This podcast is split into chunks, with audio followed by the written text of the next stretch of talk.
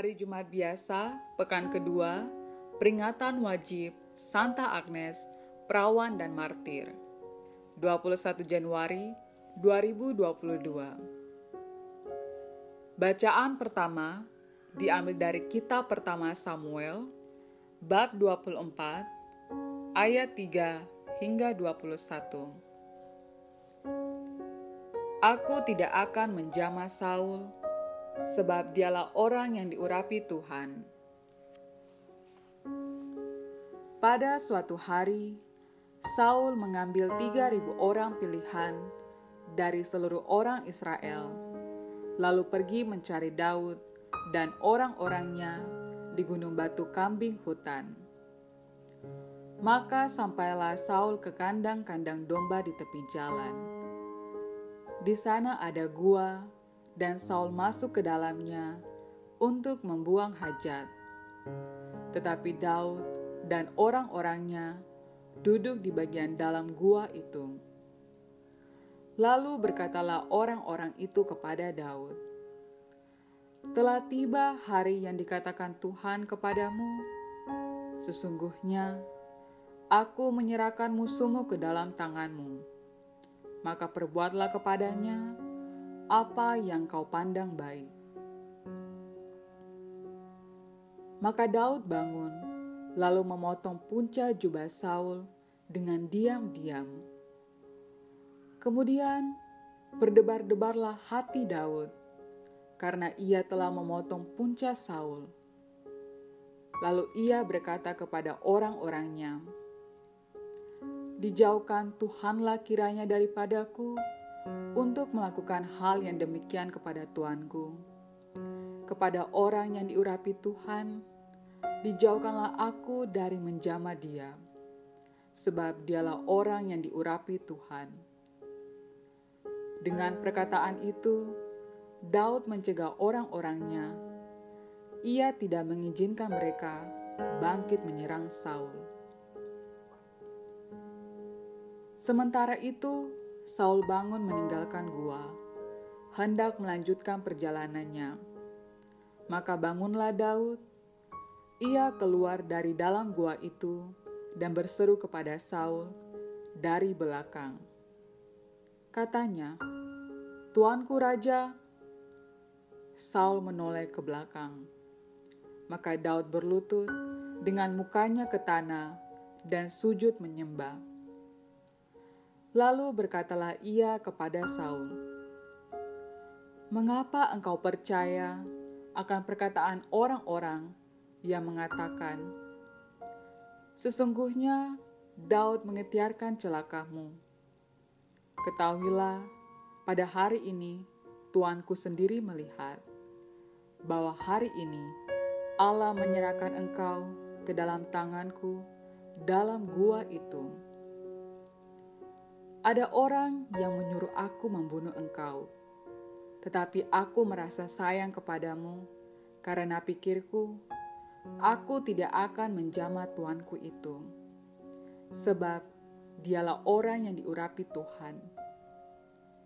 Lihatlah ini Bapakku, lihatlah punca jubahmu dalam tanganku. Dari kenyataan bahwa aku memotong punca jubahmu dengan tidak membunuh engkau, dapatlah kau ketahui dan kau lihat bahwa tanganku bersih dari kejahatan dan pengkhianatan, dan bahwa aku tidak berbuat dosa terhadap engkau.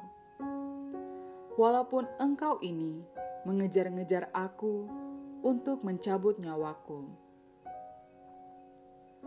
Tuhan kiranya menjadi hakim di antara aku dan engkau.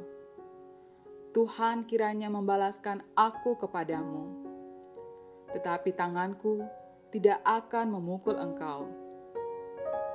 Seperti peribahasa, orang tua-tua mengatakan, dari orang fasiklah timbul kefasikan. Sungguh, tanganku tidak akan memukul engkau. Terhadap siapakah Raja Israel keluar berperang? Siapakah yang kau kejar? Anjing mati? seekor kutu saja. Sebab itu, Tuhan kiranya menjadi hakim yang memutuskan perkara kita. Kiranya Dia memperhatikan dan memperjuangkan perkaraku. Kiranya Ia memberikan keadilan kepadaku dengan melepaskan aku dari tanganmu. Setelah Daud selesai menyampaikan perkataan itu, berkatalah Saul, "Suara muka itu, ya anakku Daud." Sesudah itu, dengan suara nyaring, menangislah Saul. Katanya kepada Daud, "Engkau lebih besar daripada aku." Sebab engkau telah melakukan yang baik kepadaku, padahal aku melakukan yang jahat kepadamu. Telah kau tunjukkan pada hari ini betapa engkau telah melakukan yang baik kepadaku. Walaupun Tuhan telah menyerahkan aku ke dalam tanganmu, engkau tidak membunuh aku. Apabila seseorang menangkap musuh, masakan dilepaskannya dia pergi dengan selamat?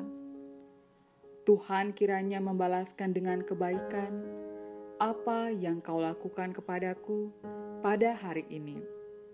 Dari ini semua, sesungguhnya aku tahu bahwa engkau pasti menjadi raja dan jabatan raja Israel akan tetap kokoh dalam tanganmu.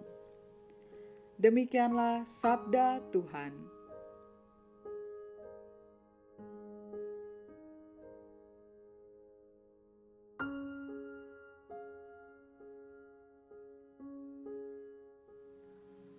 Bacaan Injil diambil dari Injil Markus bab 3 ayat 13 hingga 19. Yesus memanggil orang-orang yang dikehendakinya untuk menyertai dia. Pada suatu hari, Yesus naik ke atas bukit. Ia memanggil orang-orang yang dikehendakinya, dan mereka pun datang kepadanya.